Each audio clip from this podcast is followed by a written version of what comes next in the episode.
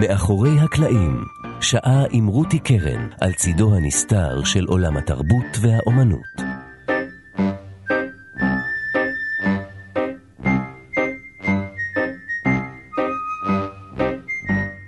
ישנו רגע קסום, הכל חשוך ולאט עולה האור על הבמה, התפאורה נגלית ועולם נברא.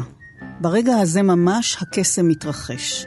נייר, קוליסות עץ, בדים, חול, הופכים לחדר בדירה לפרטיו, למדבר, ליער, לרחוב, כולם חלק מהאשליה שנמוגה כשהמסך יורד והאור כבה. אלא שהקסם הבדוי הזה שלתוכו אנו שוקעים למשך שעתיים, אינו מתרחש מאליו כמו שקסמים אולי מתרחשים. יש מאחוריו הרבה שעות מחשבה ותכנון וחיפוש והתלבטויות וקשיים והקמה ובנייה ותסכולים וכמובן אושר גדול. ויש מישהו שאחראי ליצירה הזאת המורכבת כל כך, אחראי לכך שנאמין ונלך שבי אחרי מה שקורה על הבמה. המישהו הזה נותר תמיד עלום משהו מאחורי הקלעים. יצירתו היא שעומדת על הבמה ומוצגת לקהל, וכשהמסך עולה וההצגה מתחילה, תפקידו למעשה מסתיים. היום במאחורי הקלעים נפגוש את מעצבת הבמה, תפאורה ותלבושות, רותי דר, אני רותי קרן, עורכת ומגישה, דימה קרנצוב על הביצוע הטכני. שלום רותי. שלום רותי. בעצם קוראים לך שחש, נכון? ונבהיר, רות שחש היא דמות מן המחזה יעקבי וליידנטל של חנוך לוין, איתו עבדת אה, שנים רבות. מה זה עבדת? אה, זו הייתה זוגיות לכל דבר. אה, הוא בעצם נהג לקרוא לך כך כשהיה מגיע אליכם הביתה לעבוד, הוא קרא לך שחש ואת קראת לו עדש ברדש. נכון. חנוך בעצם מחלק שמות לכל האנשים שעובדים איתו קרוב, או חברים שלו, או בני משפחתו גם. ואם אתה מקבל את הכינוי שלך, סימן שאתה שם, שאתה עם חנוך. אני קראתי לו ברדש והוא קרא לי שחש, והייתה כימיה מאוד מאוד מאוד טובה ביני לבין חנוך, שמיד צפה ועלתה, עוד לפני שנעשינו חברים טובים, כבר ראינו שאנחנו עובדים טוב ביחד. את מעצבת במה המון שנים, זכית אה, בפרס מרגלית ופרס רוזנבלום למפעל חיים, ופעמים רבות בפרס התיאטרון הישראלי לעיצוב במה, עבדת על אינספור הצגות בכל התיאטראות. עם הרבה מאוד במאים, גם באופרה, אבל העבודה עם חנוך, היחסים הקרובים איתו, היו משהו יוצא דופן. אפילו הקדשת לו ספר שלם שכתבת, עדה שוברדה שתולים כביסה. קראת לו, ואם אנחנו מציצים אל מאחורי הקלעים של היצירה, במקרה שלכם, המאחורי הקלעים היה בעצם אצלך בבית, בסדר יום קבוע, מאוד טקסי. ככה הוא חי. כל יום קם, אוכל, יוצא להליכה, הולך לשחות בבריכה, הולך לחזרה, בצהריים אוכל כל פעם באותה שעה את אותו האוכל, וכך גם היו החזרות. כל יום בשעה קבועה נפגשים, היה מגיע, דופק בדלת, לא עלה במעלית אף פעם, אנחנו גרו במקומה חמישית, לא עלה במעלית אף פעם, מרים את האצבע המורה לברכת שלום, זאת ברכת השלום שלו הידועה, לחבריו. והיינו נכנסים, ואילן, שהוא בעלי, היה מכין לנו ארוחת בוקר קטנה, וחנוך היה אוכל בתאבון רב את הדג מלוח והזיתים, ואחר כך היינו עולים לסטודיו שלי, כמו משרד, ואסור להתחמק מזה משום סיבה שהיא. והעבודה הזאת היא באמת גרמה א' לחיבור מאוד קרוב שלנו, וגם המון המון רעיונות היו קופצים ועולים תוך כדי הפגישות האלה, מאחד לשני, כמו איזה משחק פינג פונג כזה, שאני זורקת רעיון, הוא זורק רעיון, וככה יושבים, הוא על הספה ואני על יד שולחן השרטוט שלי, עם הגב לשולחן השרטוט, והיינו מתחילים לדבר. וכל פעם שהיינו מתחילים לעבוד על תפאורה, היה מתחיל הסיפור עם חבלי כביסה. חנוך אמר, אולי נעשה תפאורה עם חבלי כביסה ותלויים על זה סדינים ובגדים ונקרין על זה. התאורה על זה יעבוד כל כך יפה. אוקיי, אני אומרת, ואני לפעמים מכינה שרטוטים והכל, ואני יודעת, כי בסוף הוא מסתכל ומסתכל ואומר, או, לא שחש, את זה נעשה בפעם אחרת. ולא עשינו אף פעם. ובגלל זה גם השם של הספר, כי אנשים שואלים, מה זה השם המוזר הזה? ברדש ושחש תולים כביסה, מה זה? ספר ילדים? פשוט כל התחלת עבודה על תפאורה הייתה, אולי נעשה תפאורה עם חבלי כביסה. הזכרת את אה, אילן בעלך, השחקן אילן דר, שהיה מכין לו דג מלוח, כמו בסיפורים. אגב, בשבוע שעבר התארח כאן בנו של אה, פולדי שצמן, שכתב את המוזיקה להצגות של אה, חנוך, וסיפר שחנוך היה מגיע באופן קבוע, גם כאן לבוש מכנסי חאקי קצרים, עם סנדלים חומים על גרבי כותנה אפורים, והוא היה מגיע לאכול את הדג מלוח שאשתו של פולדי, קלרה, קלרה הייתה מכינה, אז אולי הוא בכלל אהב את החזרות אצלכם בבית בגלל הדג מלוח. האמת שגם אה, כל ימי חמישי, בדרך כלל, היו עושים הילולה. אחרי סוף החזרה, בחזרות, כל אחד היה מביא איזה משהו טעים, שם גם היה מככב הדג מלוח, והיו עושים חגיגת סוף שבוע של סוף החזרות. בתיאטרון. בתיאטרון. כן, וכל זה נכנס איכשהו אחר כך גם להצגות. אור ירח רך על הבתים עולה אכלנו דג מלוח ושתינו תה. כאן רבותיי, פורחת הידידות, מצרית וטהורה, כמו כוכבים מעל. קשה קצת לתאר את פני האנושות. בלי יעקבי ובלי ליידנטל, בלי יעקבי לפני 18 שנה, כחודש לפני מותו, ב-18 באוגוסט 99, אה, אני הכנתי ספיישל גדול על חנוך ויצירתו עם שחקנים ובמאים ומעצבי במה ומוזיקאים שעבדו איתו, ואני זוכרת מן התוכנית ההיא שסיפרת לי איזה תענוג אדיר הייתה העבודה איתו. למשל, ב"כולם רוצים לחיות", אסוציאציות, השראה. אז בואי ספרי קצת איך באמת שניכם יחד בוראים עולם, בורים מקום, בורים אווירה, בורים צבעים, כל המשלב הזה שבין טקסט לעיצוב במה.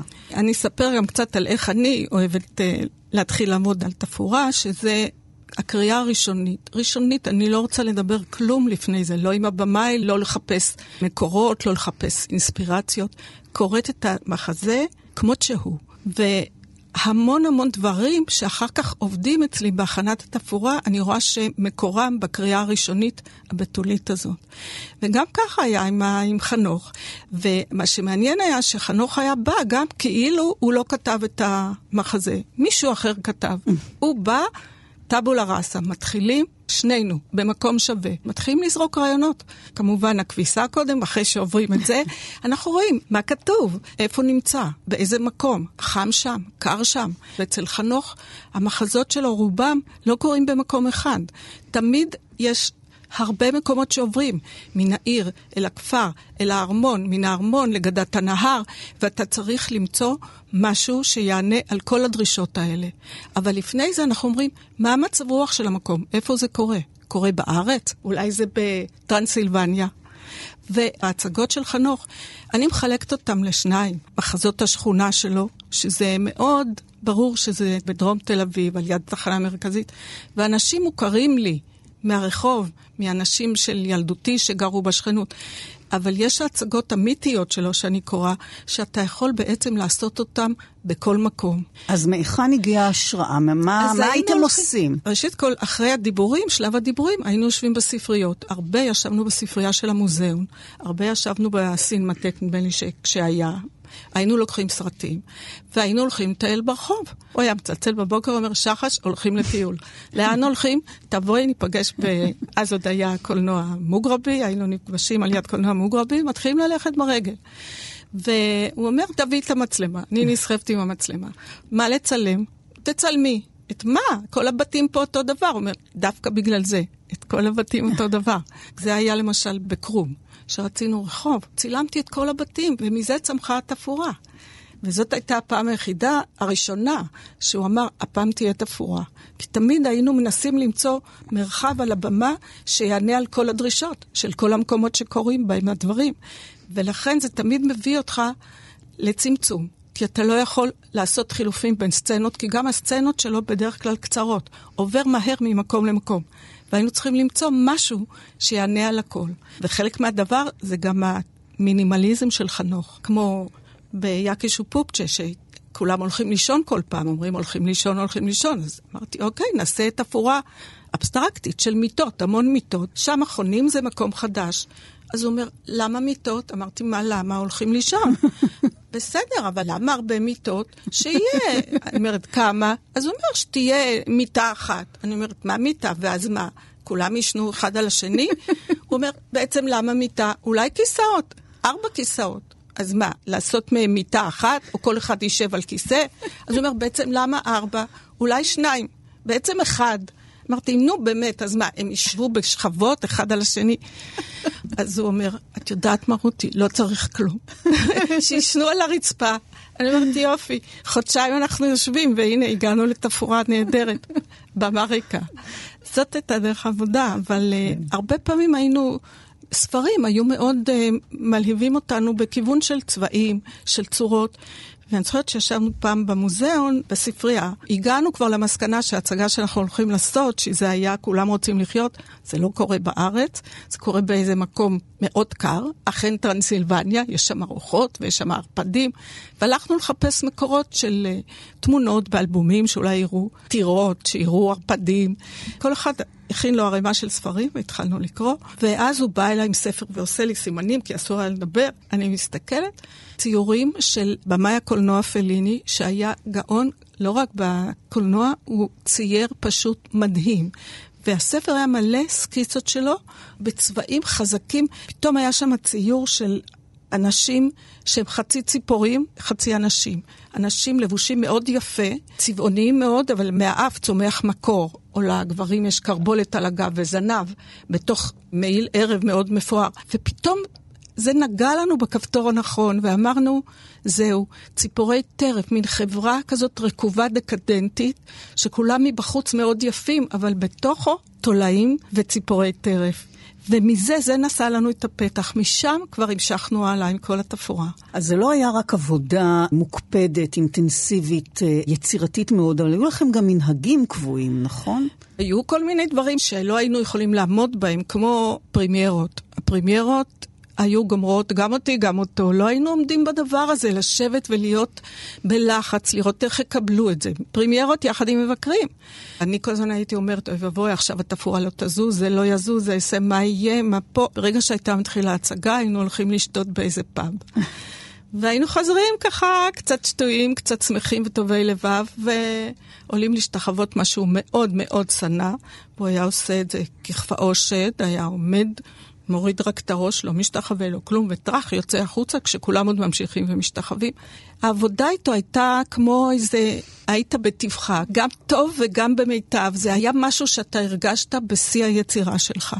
הוא היה דולה ממך, כלומר השיחות איתי ואיתו היו מוציאים משנינו את הכי טוב שבנו. אנחנו נחזור כמובן לעבודה עם חנוך, אבל את עבדת ועובדת גם עם במאים אחרים, לא רק לתיאטרון. עבדתי עם הרבה במאים אחרים, חוץ מחנוך כמובן, עבדתי עם עומרי המון, שעשיתי איתו פי שניים הצגות מה שעשיתי עם חנוך, ועבדתי המון עם אילן רונן ועודד קוטלר, שזכותו שהוא בכלל התחיל לי את הקריירה של תפורן, הוא נתן לי את ההצגה הראשונה.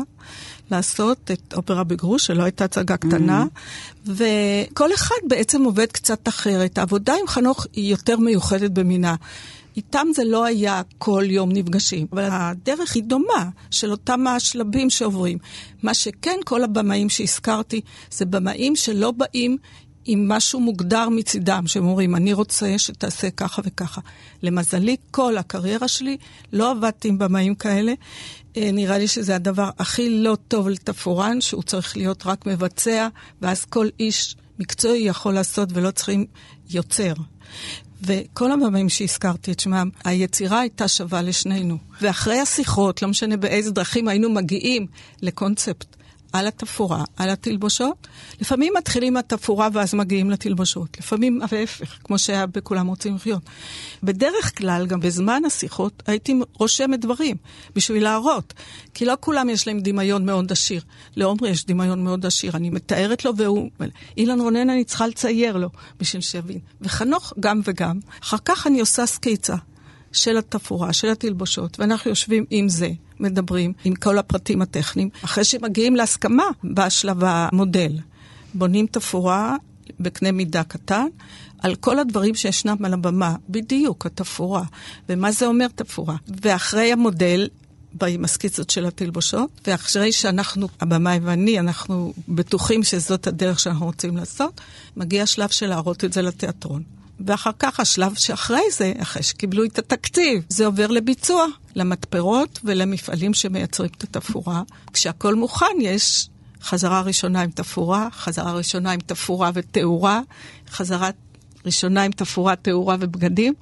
ואז גנרלית, ואז הצגה. אז נדמה לנו שאנחנו יודעים מה פירוש תפאורה, תלבושות, אבל שוב, באמת ישנם הפרטים הקטנים שאנחנו לא נותנים עליהם את הדעת, ושהם יוצרים את המראה המסוים שיוביל לתחושה שהבמאי הוא המחזה ואת מבקשים לגרום לנו.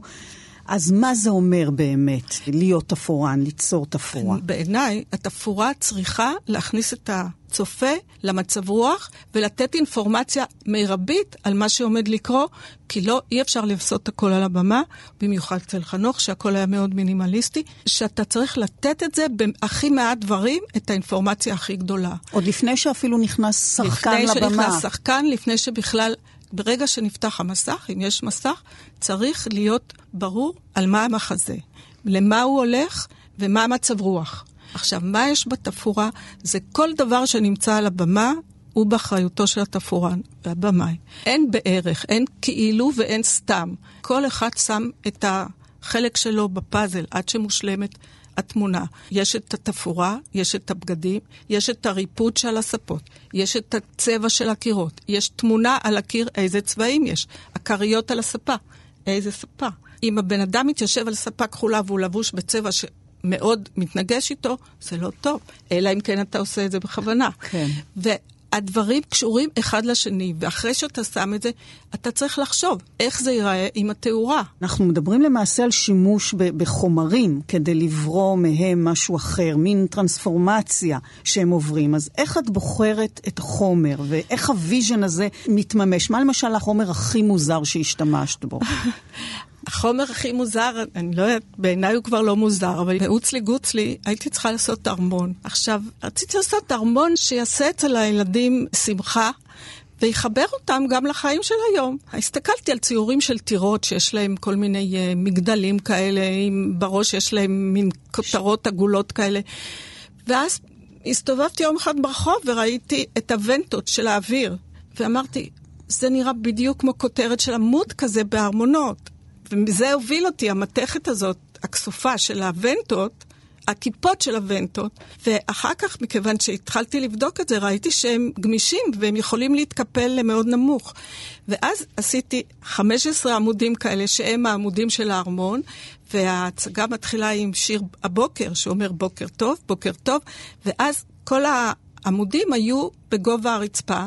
ובמשך השיר הם מתחילים לעלות למעלה, כי גם השמש זורחת, עד שעולים כל mm. העמודים האלה בגובה של איזה חמישה-שישה מטר, ובראשם הוונטות. זה פתאום יצר ארמון, לא בשום uh, אמצעים ש... היו מוכרים. הבנתי שהיה גם סיפור עם צמר גפן. הצמר גפן ישבתי עם הבמאי, עם עומרי ניצן, עבדנו על uh, כתוב בעיניכם. הוא ראה את זה שאנשים הולכים לחלום, חלום טוב, חלום סקסי, שעוברים מחיים בתוך עיר של uh, אנשים שהם uh, טרודים בחיי היום והכסף, והם כולם כמו רובוטים בתוך קופסת מתכת, כמו כספת. ובלילה הם נותנים לעצמם להשתחרר ולשקוע בתוך עננים של כאילו זה גם שמיים, גם כמו מיטת פוך רכה לאהבה, למנוחה. והיה לי בבית, בסטודיו, מין חתיכה של אקרילן, ואמרתי, מה יהיה אם נמלא את כל הבמה עם צמר גפן לבן? ואז יהיה גם כמו עננים, גם כמו יער, גם כמו שיחים, גם כמו מיטה, כמו קרי פוך. ואז נסענו למפעל של שמיכות פוך בקיבוץ אורים. ומי שלא ראה את עומרי מתגלגל בתוך ערימות של אקרילן לבן על הרצפה של המפעל באורים, לא ראה דבר מצחיק בחיים שלו. והבאנו את זה וניסינו על זה לשים פנסים, והתאורה ש... זה הפיק, זה פשוט היה חלומי לגמרי. ואכן מילינו את כל הבמה, מאחורנית זה הגיע עד גובה התקרה, ואז הדלתות, עשיתי סוג של דלתות, כשהן נפתחות, כל האקרילן הזה, צמר גפן, היה נדחף לתוך הבמה, והשחקנים היו בתוך זה עד הברכיים.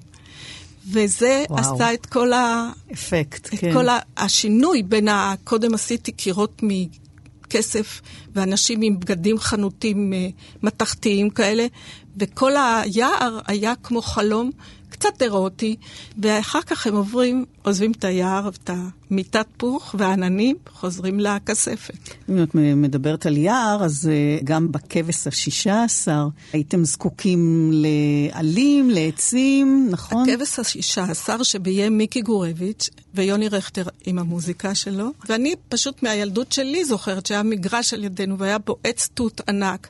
וכל הילדות שלי אחר הצהריים, אחרי בית ספר, היינו מבלים מתחת לעץ הזה. אמרנו, נעשה עץ גדול שמתחתיו מתנהלת כל ההצגה. ונסענו לאיזה מפעל באיזה קיבוץ שחונט עלים וענפים, ותלינו את זה על הצוג עם מוטות ברזל שתלויים לרוחב כל הבמה בגובה, לא רואים אותם, ואליהם קושרים חלקי תפאורה. קשרנו אליהם את כל הענפים, וכשהמסך היה נפתח, היו רואים עלווה שלמה של עץ מכסה את כל התקרה של הבמה.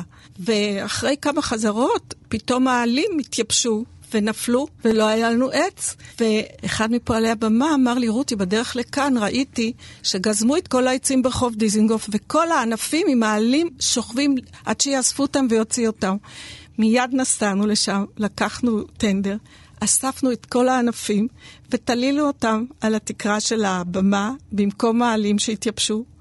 ואחר כך עשינו את זה כל פעם. לשבוע הם היו מחזיקים מעמד, ואז היינו עוד פעם אוספים את כל ה... מה שגזמו מהעצים מתל אביב.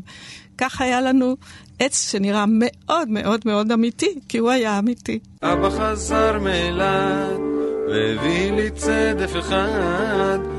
אם שמים אותו ליד האוזן השנייה, שומעים גלים ולפעמים גם אונייה. אבא חזר מאילת, והביא לי צדף אחד, אם מביטים עליו מהצד רואים דגים, סירות ולפעמים גם דייגים. אבא חזר מאילת והביא לי צדף, צדף אחד שאם נשארים איתו קצת מרגישים לפעמים בבת אחת כמו ים. אבא חזר מאילת והביא לי צדף אחד אם שמים אותו ליד האוזן השנייה שומעים גלים ולפעמים גם אונייה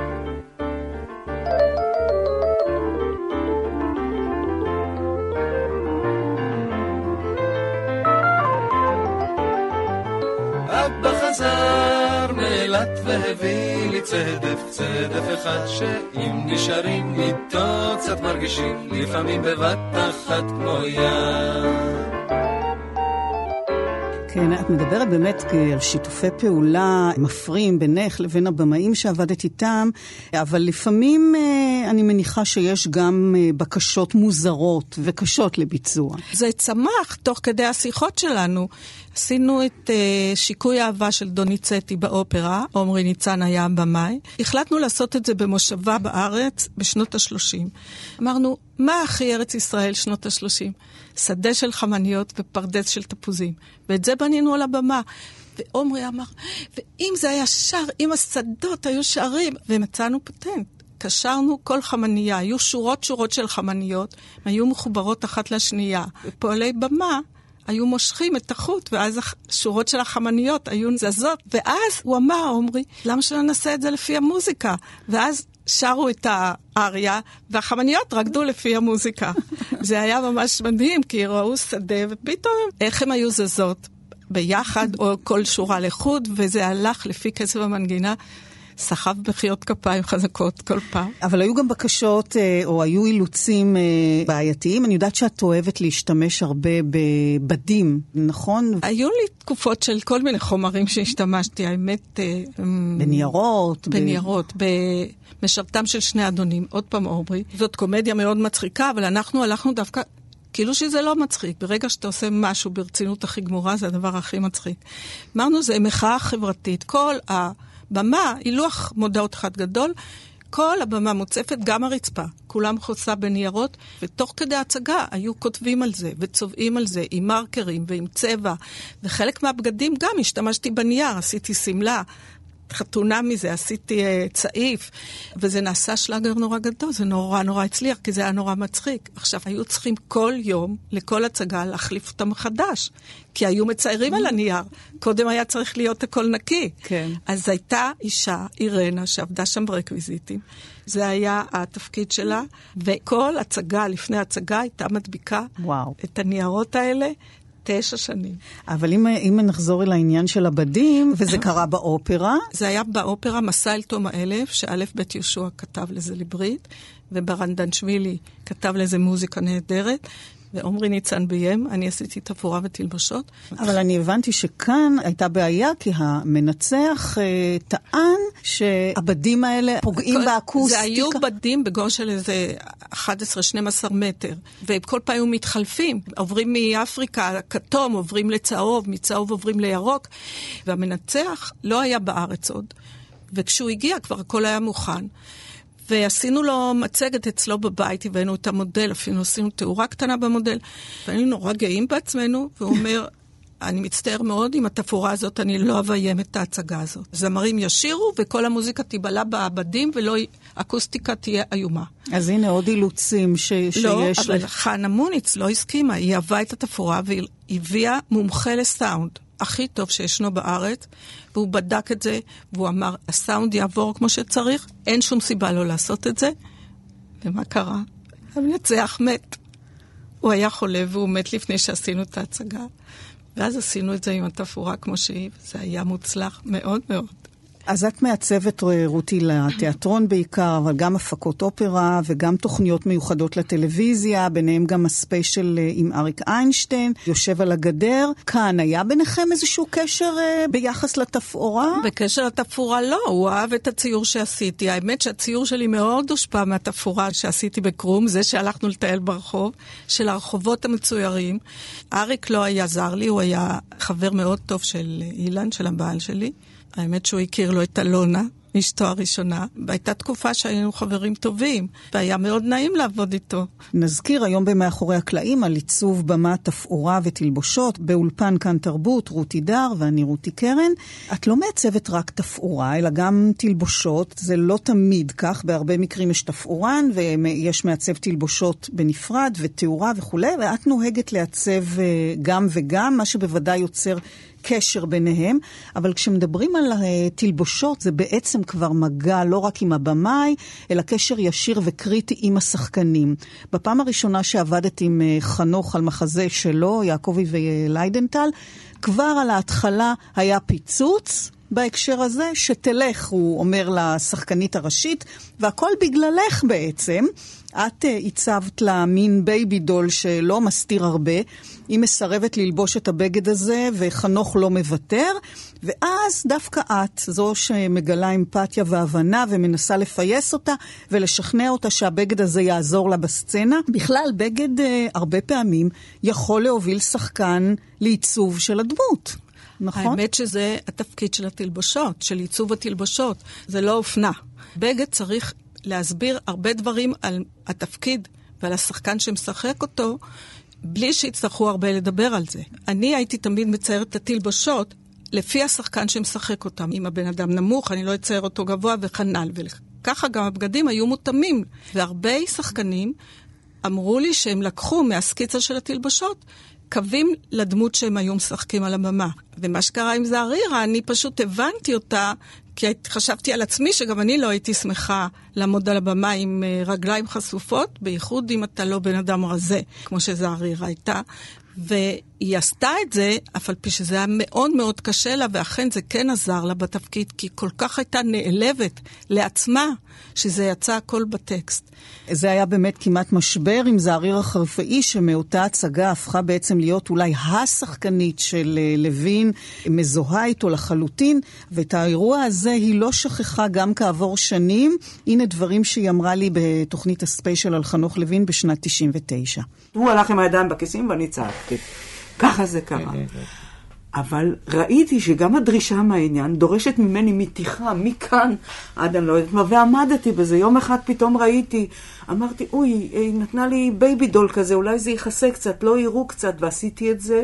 הוא אומר לי, הנה את רואה, זה כל כך פשוט, כל כך פשוט, כל כך פשוט. אמרתי, אתה לא יודע מה זה בשבילי. מה שאתה הצבת בפניי זה אחרונת הזונות מאני לא יודעת מאיפה, פיליני ברומא, זה מה שהן עושות, אני לא יכולה לעמוד בזה. עמדתי בזה. עמדתי אחר כך בדברים עוד יותר קשים. זאת אומרת, הפגישה שלי עם חנוך היא לא רק נגמרה בתוצאות משחקיות, היא נגמרה גם בהשקפת עולם. עד איפה מותר ללכת בתיאטרון? מה מותר לעשות בתיאטרון? כמה מותר לעשות בתיאטרון? ועל זה אני הייתי מוכרחה להתכופף ולהגיד שהוא צודק, בלי שהיה בינינו ויכוח. למשל, הוצאה להורג, המחזה המוזיקלי הזה, שהייתה, זה הוצג אולי 20 פעם, 24 פעם, אנשים יצאו, אנשים. יצאו כשהקיבה מגיעה להם עד פה, לא יכלו לשאת את האימה שהייתה שם. אז אני יום אחד אמרתי לו, עד איפה? עד איפה? כמה? לשחוט? לזה? לזה? קודם כל הוא אמר לי, הכל מותר על הבמה, בת... זה המקום שעושים את כל הדברים האלה. אמרתי, טוב, בשבילי, לא בשבילי, כן, והייתי מוכרחה להודות ברגע מסוים שהוא...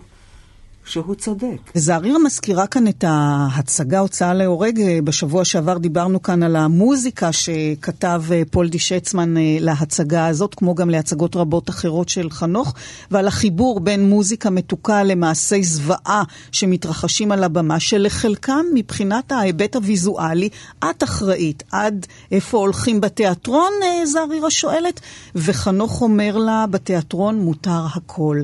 וכאן, בהצגה הזו, חתכו רגליים וידיים במרחק של מטר מהקהל, אז איך עושים את זה? תגלי. א', היינו צריכים להכין לא נעים להגיד את זה, קדמים מאוד ריאליסטיים, כי באמת זה היה קרוב נורא, בצוותא שיחקנו את זה. ב', עשינו מין אה, אילוזיה אופטית שהכנסנו את אה, יוסי פולק, שהוא שחקן אה, גדול וגבוה ורחב, אחרי שחתכו, תכף אני אספר איך עשינו את החיתוך. חיתוך. הכנסנו אותו בסוף, קיבצנו אותו לתוך תיבה. מאוד מאוד קטנה, ויצאו שם רק הראש שלו וקצה הכתפיים עם גדמים. שעשינו אותם מאוד מאוד ריאליסטיים, והוא נראה כי באמת שנשאר לו רק גוף עם ראש, בלי ידיים, בלי רגליים. והקטע של הניסור לא הייתה ברירה, אלא עמדו כל ה... השחקנים. המקהלה שהייתה בשמלות ערב מאוד מפוארות, וגברים בבגדי ערב שחורים, כן. עמדו מסביב, הייתה מין ארנה כזאת של חול, שמסביב היו יציאים של ה... כאילו האנשים, החברה הגבוהה, הרקובה, מסתכלת במופעים. כשהאריות היו אוכלים את הלודרים, או קרבות הלודרים. אז הם ישבו מסביב, ובתוכו היו הדרגה התחתונה של הבני אדם, שהם עברו את כל ה... עינויים האלה. עינויים האלה שהחברה הגבוהה הייתה עושה בשביל להתענג. אז הם נעמדו כולם מסביב, וחתכו לו את הידיים והרגליים, וכל פעם זרקו חלק. זאת אומרת, הם הסתירו בעצם. הם הסתירו חלק, והיו שומעים רק ענקות, mm-hmm. ו... כי היו להם שמלות אה, רחבות ויכלו להסתיר, וכשהם זזו, ראו אותו עם שני גדמים נוטפי דם בתוך התיבה. כתמים צהובים, אין לך ידיים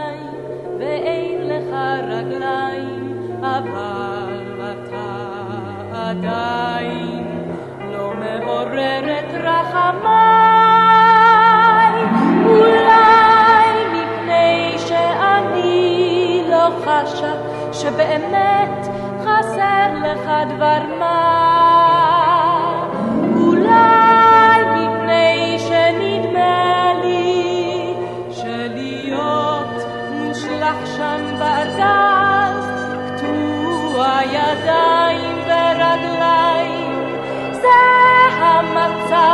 הטבעי שלך, ועל כל פנים אינו מרגיש, ויש בו אפילו משהו מן השגרה.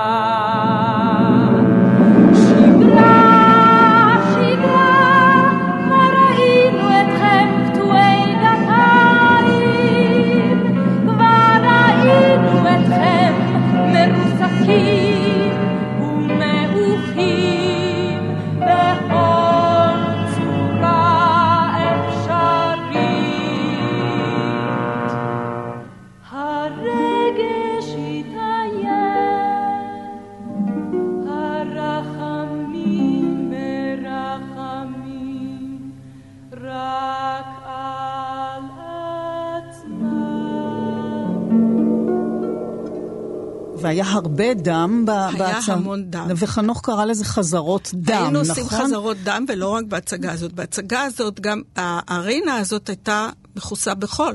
באמת היינו מביאים חול, אז הדם היה נספק בחול, זה לא היה בעיה.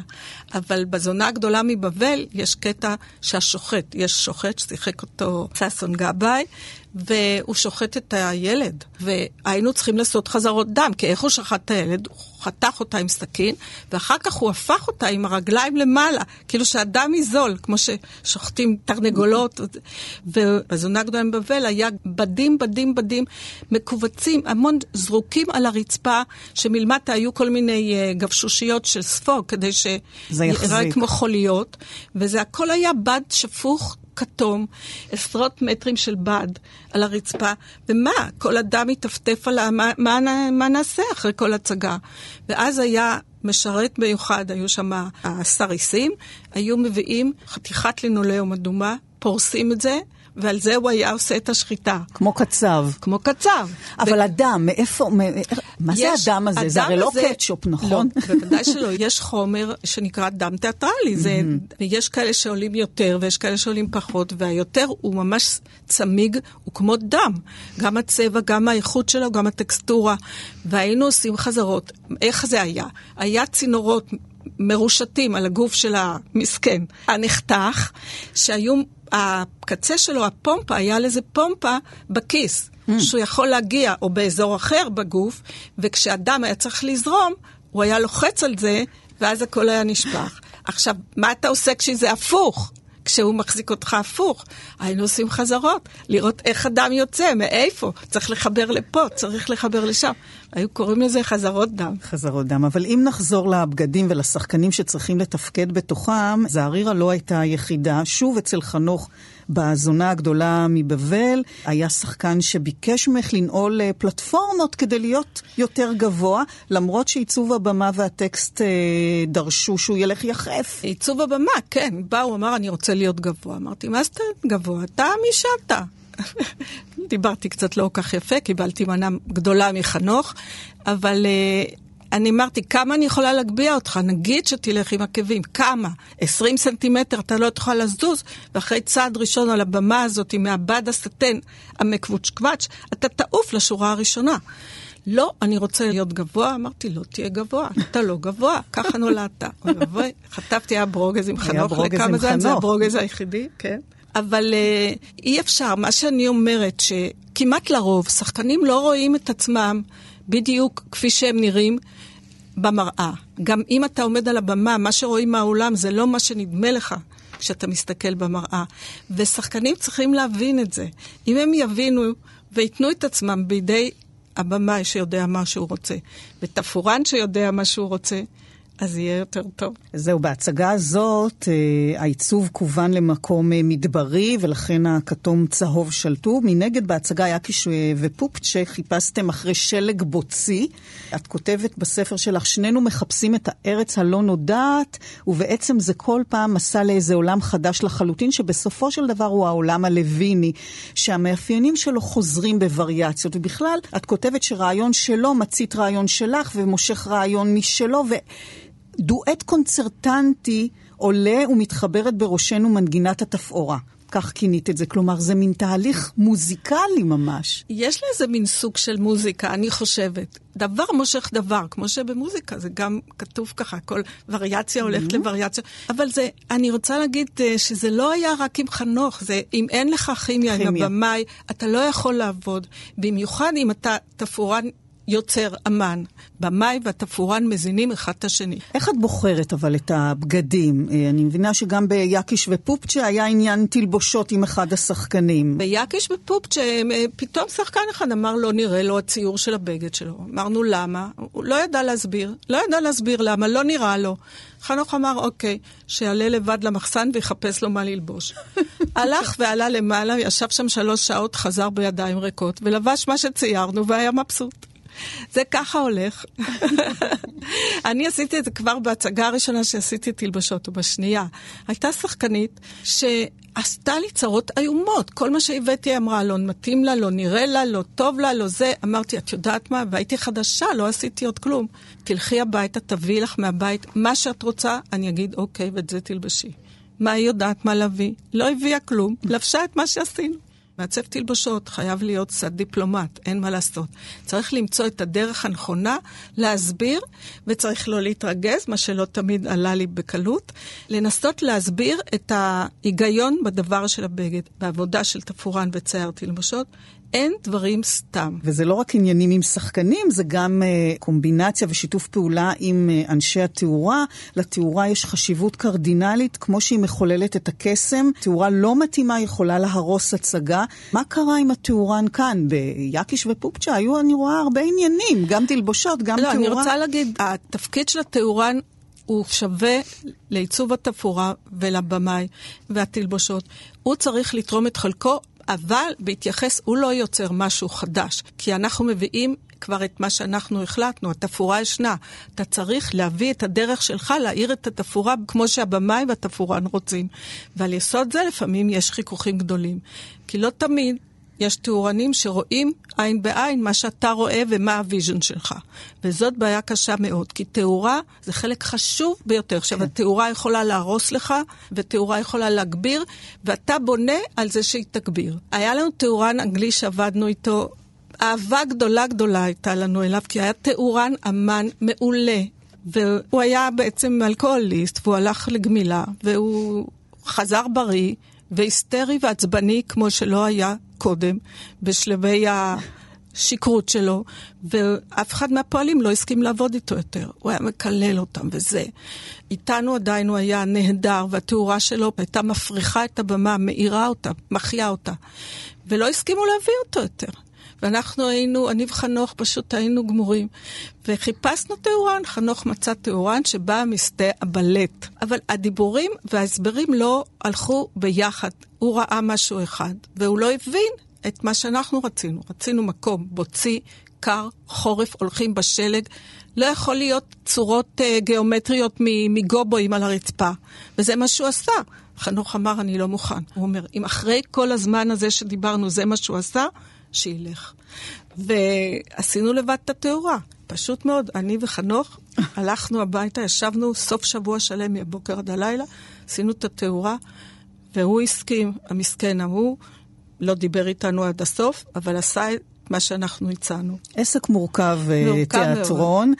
אני אה, מכניס גם את העניין של הסאונדמנים, שתמיד יש מלחמה קשה מאוד, כי אחרי שאתה כבר עשית, ועשית תאורה, ועשית תפאורה, והכל עובד בחזרה, הם באים ומכניסים לך באמצע את הרמקולים ואת ה... וזה נורא, פתאום בתוך התפאורה, עם מלא שלכת כאלה, פתאום הם שמים לך האמפליפיירים כן. האלה. ריבים גדולים יש תמיד בינינו. אז זהו, אז זה מגע מצ... עם המון המון כן, גורמים כן. אומנותיים, וכמובן הרבה מאוד אנשים ואינטרסים שונים. אנחנו, הקהל, אנחנו רואים את המוגמר, אבל בעיות ואתגרים יש בוודאי ללא סוף. בהצגה המלט של שייקספיר אה, בשנת 2005, בקאמרי, אולם צר וארוך שמוביל אותך לא רק לעיצוב הבמה, אלא גם לעיצוב אופן הישיבה של הקהל. על כיסאות זה, מסתובבים. זה קבע את כל אופי ההצגה. קיבלנו אולם אה, חדש של אולם. זה היה מרתף גדול בקאמרי שלא היה בו שום שימוש. ונכנסנו לשם, עמרי ואני, עמרי ביים את זה, עמרי ניצן. אמרנו, מה עושים? איפה נעשה פה במה? זה היה צר וארוך. לא היה איפה לשים את הבמה. כלומר, אין מקום לבמה כפי שהיא בדרך כלל. ואז אמרנו, אולי הם ישחקו באמצע. איך ישחקו באמצע? נחלק את זה לשני חלקים. אבל באמצע כל הזמן זה משעמם, אז אולי ישחקו גם מסביב, ואז איך יראו? מזה הגענו לכיסאות המסתובבים. ואז היה צריך למצוא איך בדיוק יעמוד כל כיסא בלי שהם מסתובבים ונותנים מכה אחד לשני כשהם מסתובבים. זו הייתה ממש אמנות לבדוק את זה ולמדוד את זה. ואחר כך, בכל הנסיעות בחו"ל, נסענו עם ההצגה הזאת המון.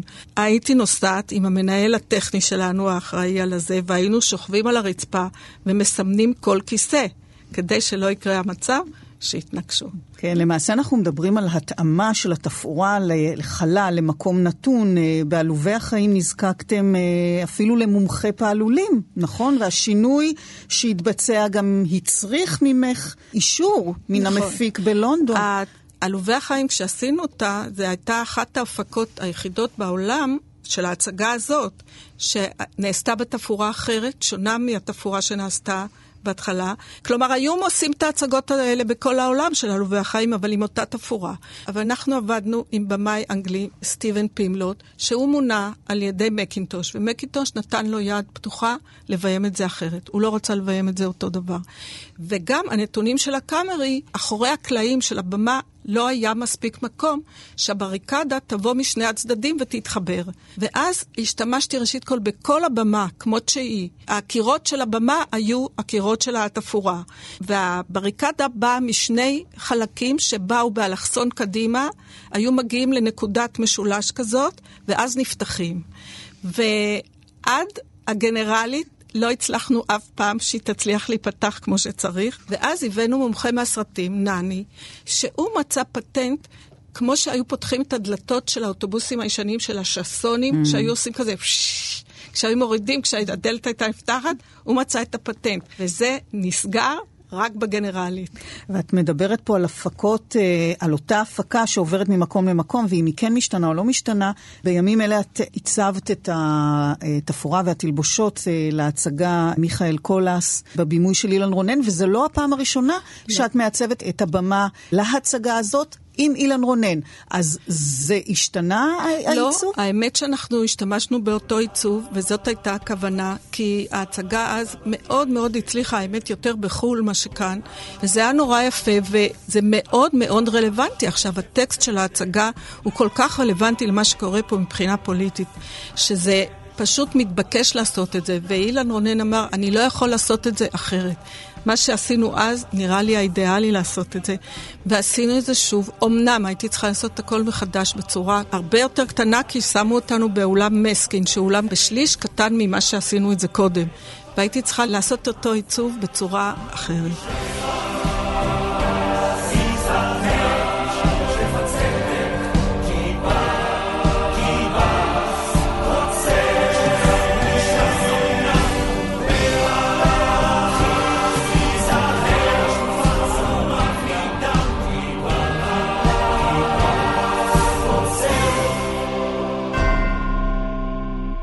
אז אנחנו מדברים באמת על uh, יצירתיות ועל הרפתקאות uh, וגם על שעשועים או השתובבות, לא רק תפאורה ותלבושות, גם בעלי חיים במהלך החזרות על ההצגה פופר.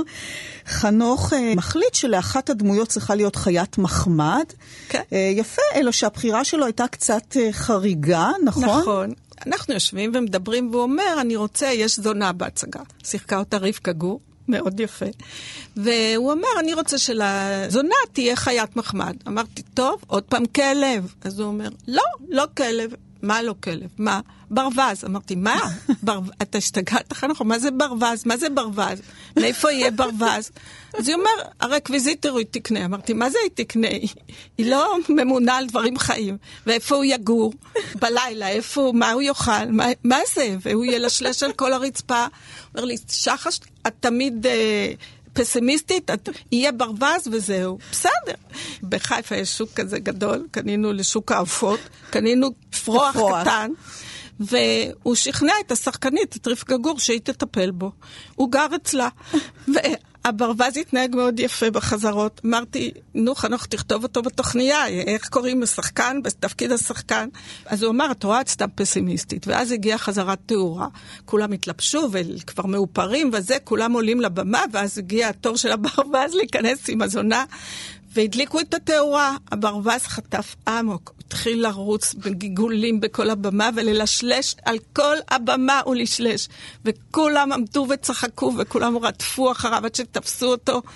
ירד הברווז, והיינו צריכים לעשות שטיח חדש. הוא אבל ממש התפוצץ מצחוק, זה נכון? צחק, זה כולנו פשוט- צחקו, כולם בכו מרוב צחוק, ואני בכיתי ברצינות. כן. איך הרסו לי את השטיח. הרבה הצגות עשיתם יחד, ואחרי אה, עבודה אינטנסיבית של חודשים רבים מגיעה הצגת הבכורה, הרגע הגדול, מחיאות הכפיים, זה הרגע שהתפאורנית מסיימת את תפקידה. דווקא כשההצגה מתחילה לפרוח ויוצאת אל הזרקורים ופוגשת קהל, מועצמת העובדה שמה שאת עושה נותר מאחורי הקלעים. זו תחושה מתסכלת קצת, מאוד, נכון? מאוד, כי במשך- ריקנות, בדידות. זה, זה, אתה נפרד כאילו מ, מילד שלך, זה נורא להגיד, אבל זה ככה מרגיש, כי במיוחד בעבודה, בחודש האחרון בטוח, אבל בשלושת השבועות האחרונים, התפאורן הוא אחד האנשים הכי נזקקים שם. הם עשו חזרות כבר קודם, עכשיו הם באים. הם בארץ חדשה, לובשים בגדים וזה, ותאורה, איפה הם הולכים, איפה הם יוצאים. כל הזמן רק צריך אותך. אתה רץ לפה, אתה רץ לשם, אתה הבן אדם הכי נחוץ. יוצאת ההצגה, הם עולים על הבמה, עכשיו זה שלהם. אנחנו נשארים בצד. זהו.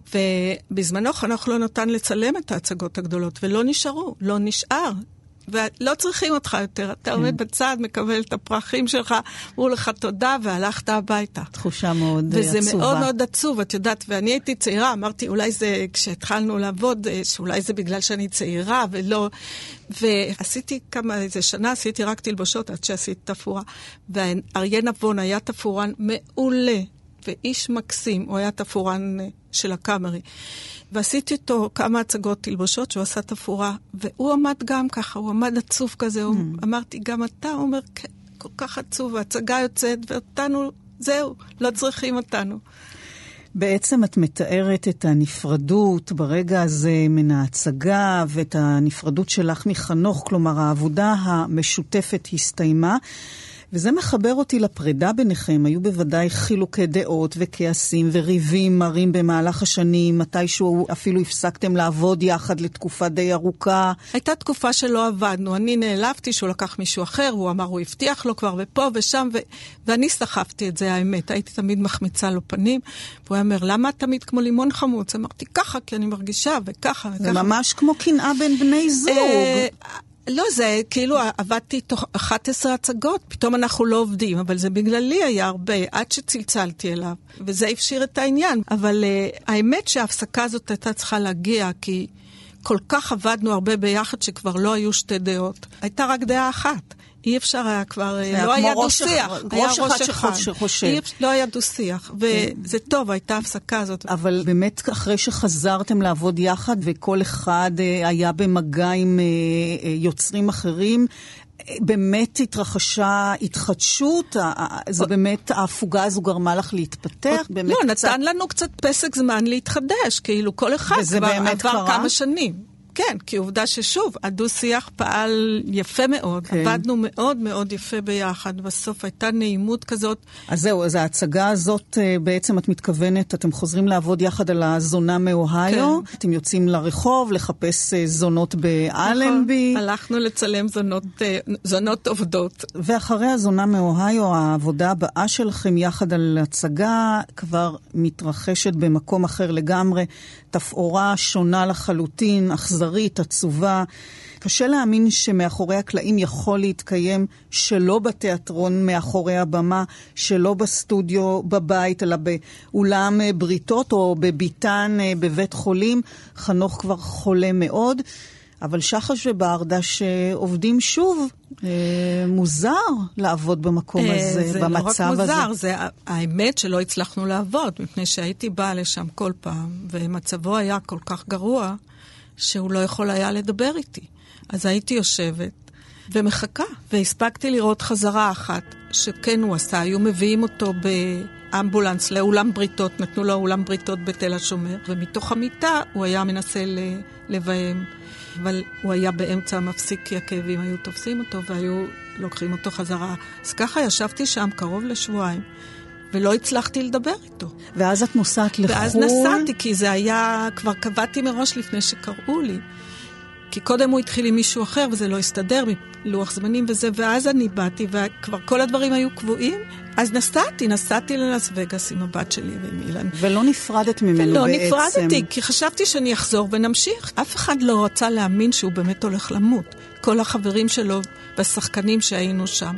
וכשנסעתי, אחרי שבוע וחצי, נודע לי שהוא מת. את מסיימת את הספר שלך אה, ואת כותבת, זהו, אין עוד פגישות עבודה בסטודיו שלי בקומה החמישית.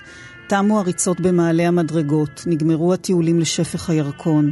שוב לא נלך עם מצלמה לחפש זונות בסמטאות של רחוב אלנבי, ולא נרד לקנות ברווז בשוק הפשפשים של חיפה תחתית. היי ברדה שומרת השחש וזוקפת את האצבע המורה לברכת שלום.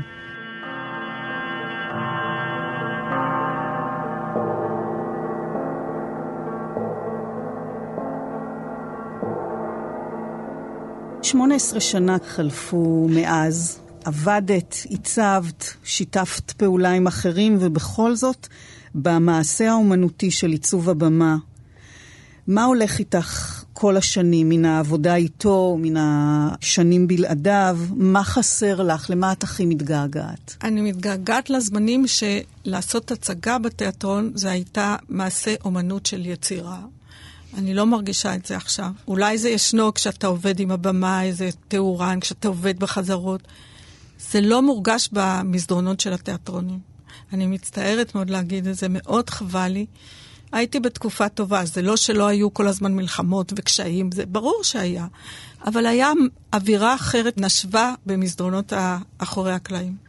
יש הצגה שאת חולמת לעשות, שמאתגרת אותה? שאלו אותי תמיד את השאלה הזאת, והאמת שאין לי כזה דבר, ואף פעם לא היה לי, אני זכיתי לעשות כמעט את כל הדברים שאנשים רוצים לעשות. עשיתי צ'כוב, עשיתי שייקספיר, עשיתי חנוך לוין. מה, מה עוד הבן אדם צריך לרצות? רותי דר, תודה רבה לך. מאחורי הקלעים, היום שוחחנו עם אה, הצוות התפאורה והתלבושות רות דר. אני רותי קרן, שערכה והגישה. עוד תוכנית בשישי הבא בשש, כאן תרבות. להתראות. להתראות. שוב לא יהיה לי רגע כמו הרגע שלפני שוב לא יהיה לי רגע כמו הרגע שלפני. הכל היה עוד אפשרי. הכל היה פתוח. עמדתי בגשם וחיכיתי לך. רועד מציפייה ורוח שוב לא יהיה לי רגע כמו הרגע שלפני. שוב לא יהיה לי רגע כמו הרגע שלפני. את באת והתחבקנו וכבר נעשה הווה. וכך עמדנו חבוקים.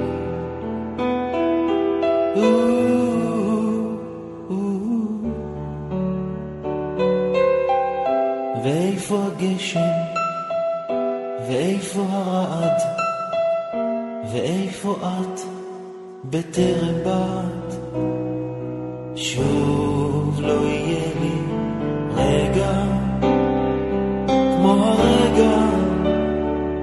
שלפני